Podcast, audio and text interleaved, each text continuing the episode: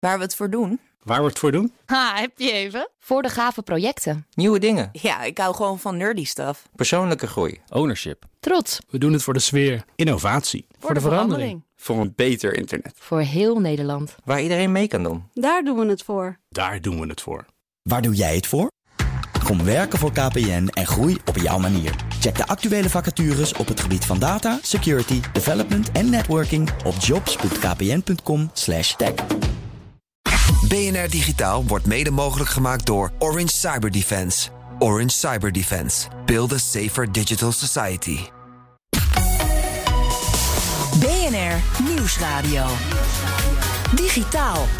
Herbert Blankenstein. Welkom bij BNR Digitaal. Het Internationaal Olympisch Comité kondigde eind vorige week opeens de Olympic Virtual Series aan. Daarin kan vanaf mei iedereen deelnemen vanuit huis via simulaties van fietsen, watersport en zelfs autoracen. Staat NOC-NSF ook in de startblokken om dat nationaal mogelijk te maken? Straks meer daarover. Eerst de veelbesproken wet op de inlichtingen en veiligheidsdiensten uit 2017. Oftewel de sleepwet. Daarmee mogen de AIVD en ook MIVD communicatie via de kabel aftappen. Maar volgens een rapport van de Algemene Rekenkamer komen ze daar niet eens aan toe. Wegens een toename van administratieve handelingen. Wat is hier nou aan de hand? Dat vragen we aan Rob van der Hoven van Genderen, hoogleraar privacyrecht en media- en communicatierecht aan de Vrije Universiteit Amsterdam. Welkom. Ja, dank je. De diensten vinden dus dat ze niet genoeg kunnen afluisteren. Komt het daarop neer? Ja, nou, dat is een continuing story, want dat zeggen ze al jaren en jaren dat ze dat niet kunnen. Ze hebben te weinig nooit genoeg middelen. misschien, hè? Nee, nooit genoeg. Het is uh, rupsje nooit genoeg. Zo'n zo'n boekje waar de klin- kinderen uit voorgelezen worden, dat kan je voor op de AIVD praten. Wat voor probleem hebben ze dan precies nu bij het toepassen van de mogelijkheden van die sleepwet? Nou ja, je moet eerst coördineren hoe je dat gaat aftappen. Dus de, de kabel. En daar moet je procedures voor eh, in werking laten treden. Nou, die zijn er dus nog niet, omdat ze daar nog niet aan toe zijn gekomen. Dus er is gewoon voldoende Oh. overleg geweest. Eh, omdat het geld en de middelen dus die ze hebben gekregen om dat te realiseren, die zijn op andere manieren eh, voor operationele zaken gebruikt. Ja, dus het is niet eens zo dat de procedures te ingewikkeld zijn of zo, of de waarborgen te streng, maar de procedures zijn er nog niet eens. Nee, als, als ik het goed begrepen heb, zijn eh, de administratieve eh, activiteiten eh, onvoldoende ontwikkeld om een, eh, op een juiste manier eh, de kabels af te tappen. Ja. en kun je helpen, wat, eh, aan wat voor eisen moet zo'n procedure dan bijvoorbeeld voldoen? Waarom is het moeilijk om die te maken? Nou ja, ze moeten dus eh, toestemming hebben eh, van eh, toezichtorgaan inzetmiddelen, van deze, dit, dit soort middelen. Ehm, en die dwangmiddelen die moeten dus goedgekeurd worden door dit toezichthoudend orgaan. En dan wordt gesteld dat ze dan nog zeven dagen nodig hebben om dat allemaal te rea- realiseren. Blijkbaar is dat te lang.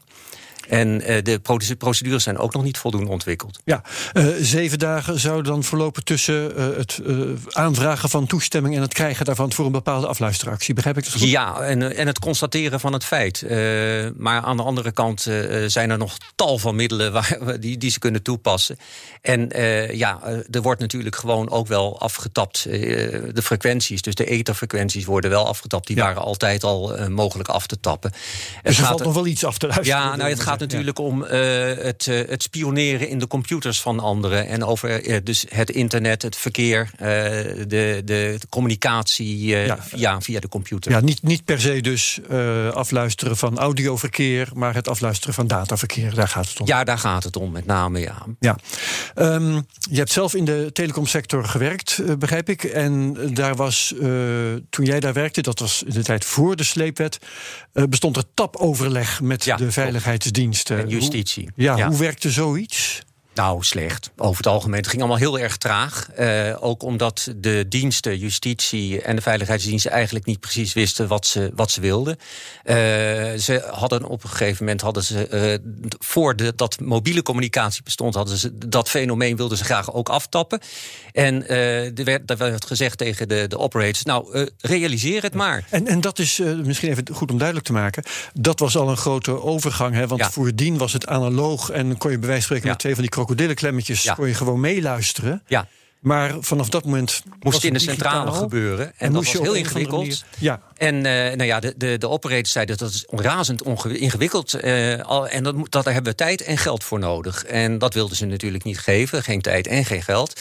Uh, dus dat duurde nog een jaar voordat het gerealiseerd werd. ook eigenlijk wel een beetje dankzij de operators die daar niet zoveel zin in hadden. Maar daarna daar een, een cash cow van hebben gemaakt. Doordat de operationele kosten moesten worden betaald door justitie en de veiligheidsdiensten. Ja, dat is geloof ik anders geworden. Hè? Want ik meen te weten dat bij internetproviders dat de kosten moeten betaald worden door de internetproviders zelf. Voor het tapgeschikt maken van dat hun, wel, dat wel. Um, dat, was altijd, dat was altijd al zo. Maar de operationele kosten, dus uh, tijdens de, de, de, de, de mankracht, menskracht, uh, tijdens het af, aftappen en, en alle resultaten, dat wordt allemaal, moet allemaal worden betaald. En dat levert oh, okay. behoorlijk wat op. Dus, dus uh, het tapgeschikt, maken doen, tapgeschikt maken doen de providers. Ja. En een concrete afluisteractie, dat is dan voor de diensten om ja. te betalen. Oké, okay. um, nou is die sleepwet blijkbaar heel moeilijk uitvoerbaar. Overigens nog even herinneren aan waar uh, die term sleepwet, uh, eigenlijk zeg ik liever sleepnetwet, hè, want het gaat Ja. over het binnenhalen van grote hoeveelheden data het als, wa- als het ware met een sleepnet. En die kans hebben ze nog steeds. Ze kunnen dus eh, metadata in grote hoeveelheden, big data, kunnen ze binnenhalen. En het, eh, het, het probleem is daar dat ze die ook kunnen eh, bewaren en gebruiken als ze daar min of meer zin in hebben. En het probleem is dat natuurlijk met de ontwikkeling van eh, kunstmatige intelligentie en met name geschikte algoritmen, daar kunnen ze daar verschrikkelijk veel uithalen. Eh, maar eh, het is niet altijd gezegd dat daar de juiste gegevens uit worden gehaald en dat de conclusies allemaal juist zijn. Dus er, er, er komt veel meer informatie binnen dan die kan worden gebruikt. Ja. Alleen hoe wordt die gebruikt? Op welke wijze? We hebben natuurlijk geen enkel inzicht hoe dat verder gaat. Nee, daar hebben wij geen inzicht in. Ehm, maar is wel duidelijk, ehm, filosofisch zou ik bijna zeggen, eh, hoe je kunt waarborgen dat de privacy van de burgers daarbij een beetje overeind blijft? Nou, filosofisch gezien zou dat misschien wel kunnen. Als, eh, maar maar eh, ja, als je dan kijkt naar de, de juridische waarborgen, dan is het probleem dat de, de AVG niet van toepassing is op eh, eh, dit soort eh, activiteiten. Dus nationale veiligheid betreffende, die wordt uitgesloten in de AVG. Dus daar zijn hele andere ja, voorwaarden op van toepassing. Ehm, ja, je zegt eigenlijk de AVG, dus de wet die onze privacy beschermt, die geldt niet bij dit inlichtingenwerk. nee, die geldt niet. dus er zijn geen privacywaarborgen. Of Nou ja, die worden natuurlijk wel, die die worden wel, ja, die, die worden wel gesteld enigszins in, in de WIF.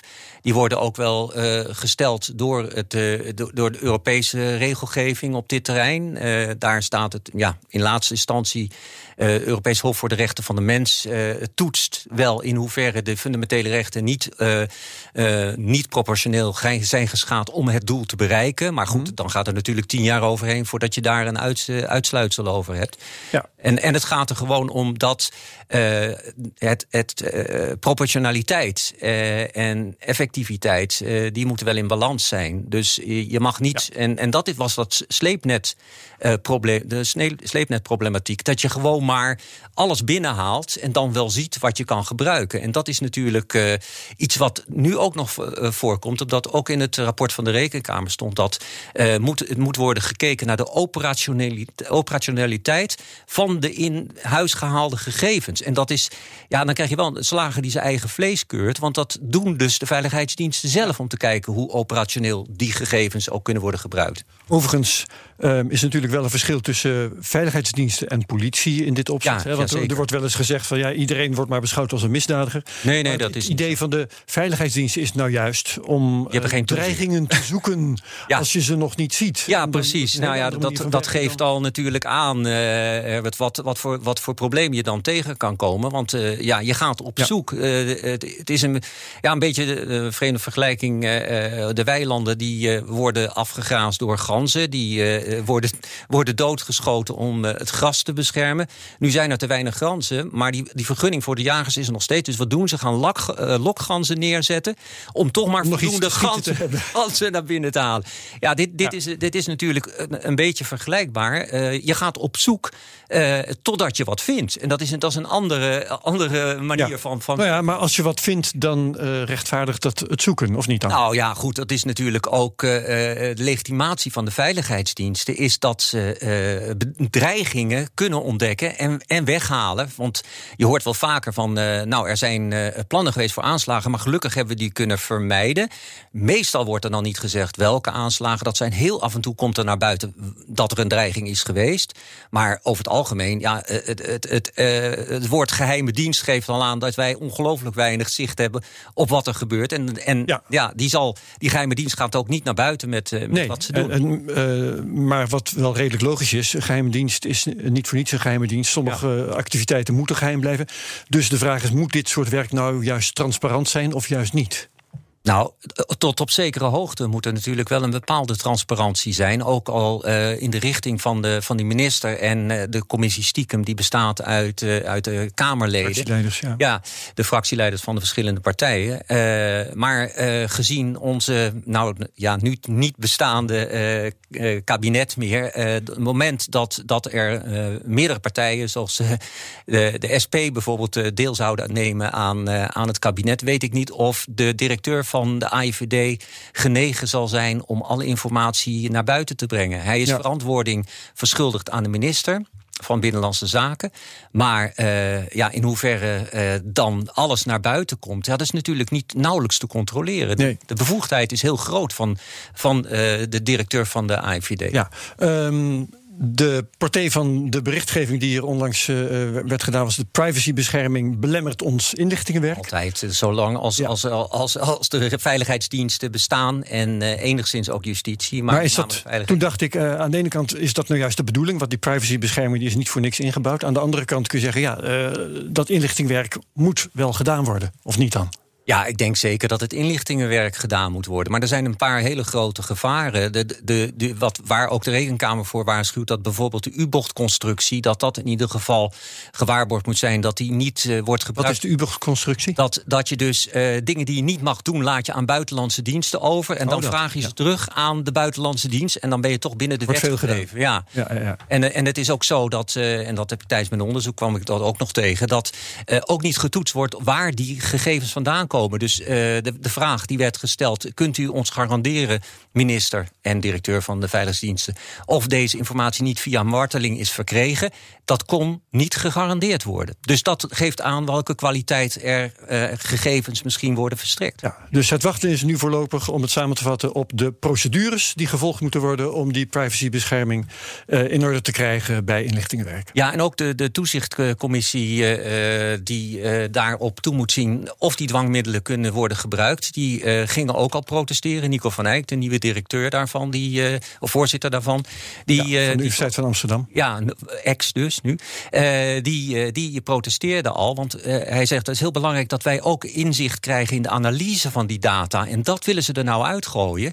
En dat is natuurlijk met de opkomst van, van, van kunstmatige intelligentie, kan je daar verschrikkelijk veel uit aan. Dus je moet dat echt wel opletten. Dus Nico van Eyck heeft gelijk wat dat betreft. Bedankt. Rob van der Hoven van Genderen, hoogleraar privacyrecht en media- en communicatierecht aan de Vrije Universiteit Amsterdam. Digitaal. Bijzonder nieuws over de Olympische Spelen in Tokio. Of ze komende zomer werkelijk door zullen gaan of niet. Opeens zijn er virtuele sporten toegevoegd aan het pakket. In de allereerste Olympic Virtual Series kan iedereen nu zelf deelnemen in geselecteerde sportgames vanuit huis. Het gaat dan dus om e-sports in een soort proloog die midden mei al van start gaat. Hoe kijkt onze eigen sportkoepel nu eigenlijk naar e-sports? Daarover praten we met Richard Kaper, manager sportontwikkeling bij NOC-NSF. Welkom in BNR Digitaal, Richard. Ja, dankjewel Herbert. Hallo. En ook hier aangeschoven is BNR Digitaal redacteur Game-expert tevens Joe van Buurik. Ook goed dat jij er bent, Joe. Dank je, Hallo. Dank je, Herbert. Uh, Richard, waarom zijn e-sports een goede toevoeging aan het internationale sportballet? Ja, dat is natuurlijk een hele, hele brede vraag. Maar uh, e-sports is gewoon weer ook de next generation van sporten deels. En uh, sporten werd 2000 jaar geleden op een bepaalde manier gedaan. 100 jaar geleden en nu en over 100 jaar ook. En daar hoort e-sports wel echt, echt bij. Ja, het IOC zet een grote stap door vijf virtuele sporten te laten meetellen in een soort digitale proloog voor Tokio. Dat zijn fietsen middels Zwift, dat is een app, uh, een honkbalgame, virtueel roeien, virtueel zeilen en autoracen in de PlayStation game Gran Turismo Sport. Allemaal e-sports die uh, lijken op fysieke sporten. Maken jullie dat onderscheid zelf ook bij NOC-NSF? Ja, je moet, je moet zeker. Wij maken ook onderscheid. En uh, we doen het op een iets andere manier. We moeten het natuurlijk ook vertalen naar de Nederlandse setting. Um, nou, je, kan, je kan wel zeggen dat. Uh, um, kijk, we hebben e-sports en videogamers. Dat moet je goed uit elkaar halen. Want niet alle videogamers beoefenen e-sports. Mm -hmm. Maar alle e-sporters zijn wel videogamers. Dus wat is het dan wel, wat is het dan niet? En daar ja. nemen we dan ook natuurlijk als uh, koepel voor. Kijk, je, ook op je eerste vraag, je haalt ook gewoon een hele andere doelgroepen weer binnen. Want niet iedereen, uh, niet iedereen is zomaar in staat om vijf of tien kilometer hard te lopen.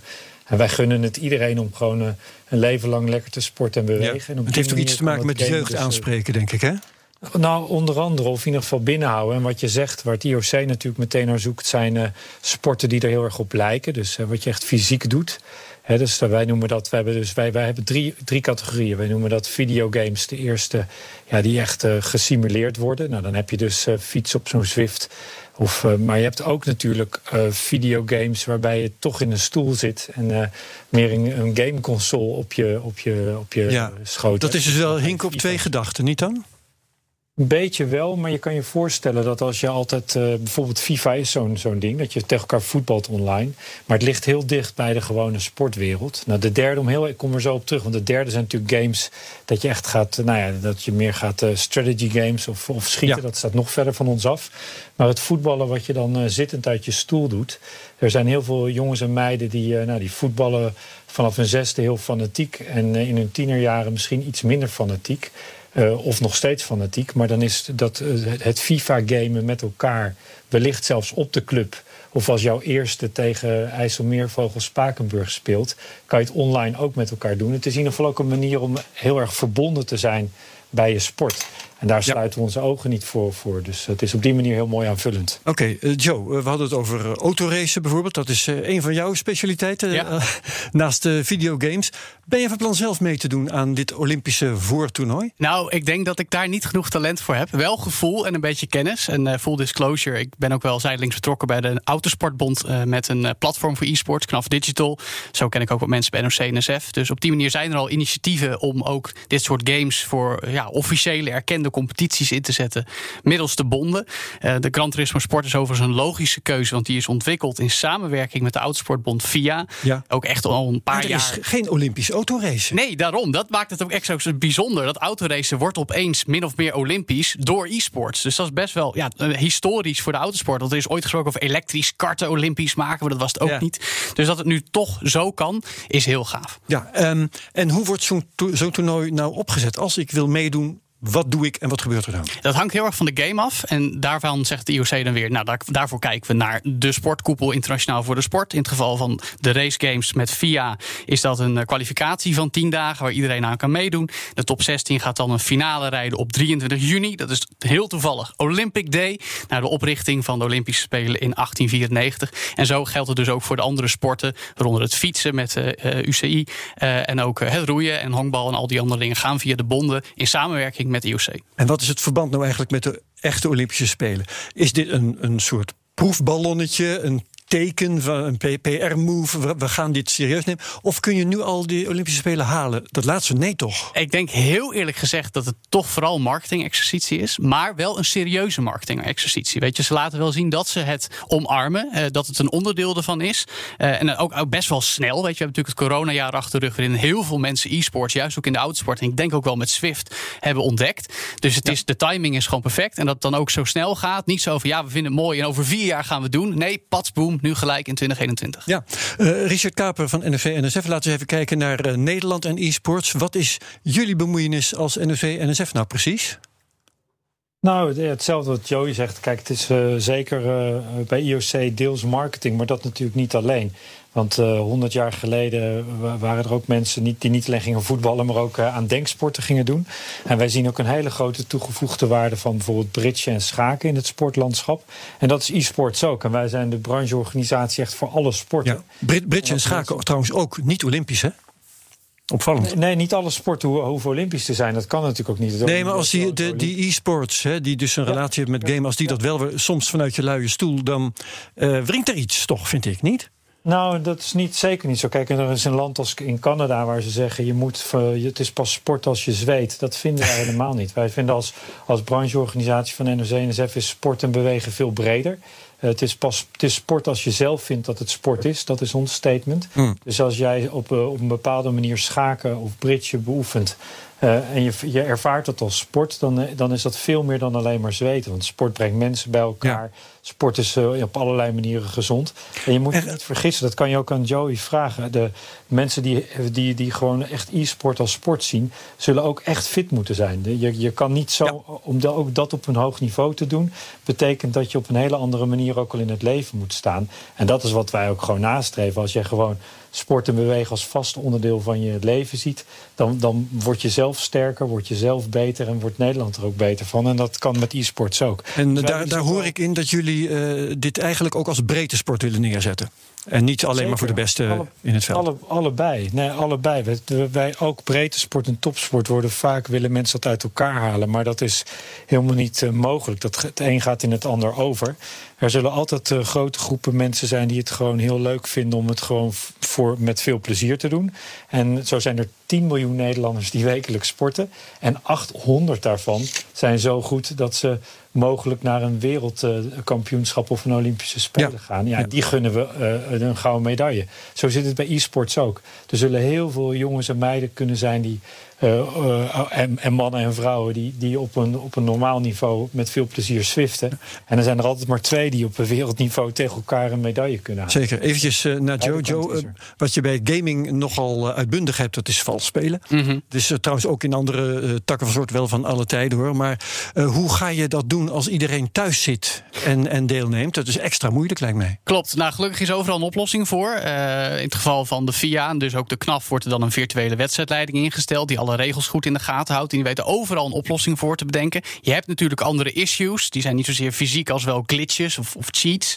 Maar ja, dat kun je bijvoorbeeld weer voorkomen door videobewijs eh, te vragen. Dat eh, echt jezelf opgenomen moet worden. Je ik hoorde ook iemand zeggen met Swift, ja, maar dan kun je de trappers met gewichten beïnvloeden. Nou ja, Ah, ja, als jij daar een camera verplicht op te zetten, heb je alweer een stukje controle. Dus voor elke eh, probleem dat ontstaat in het e-sportsveld, als het niet hetzelfde probleem is als in de echte wereld, zoals afsnijden bij autoracen, is altijd een oplossing voor te bedenken. Dus het gaat om iedereen kan meedoen en het is eerlijk en dat kan. Ja, we hebben het nu over een pakket waar eh, eh, het IOC zich eh, al mee gaat bezighouden. Voor welke sporten zijn er nog meer kansen op dit gebied, Richard?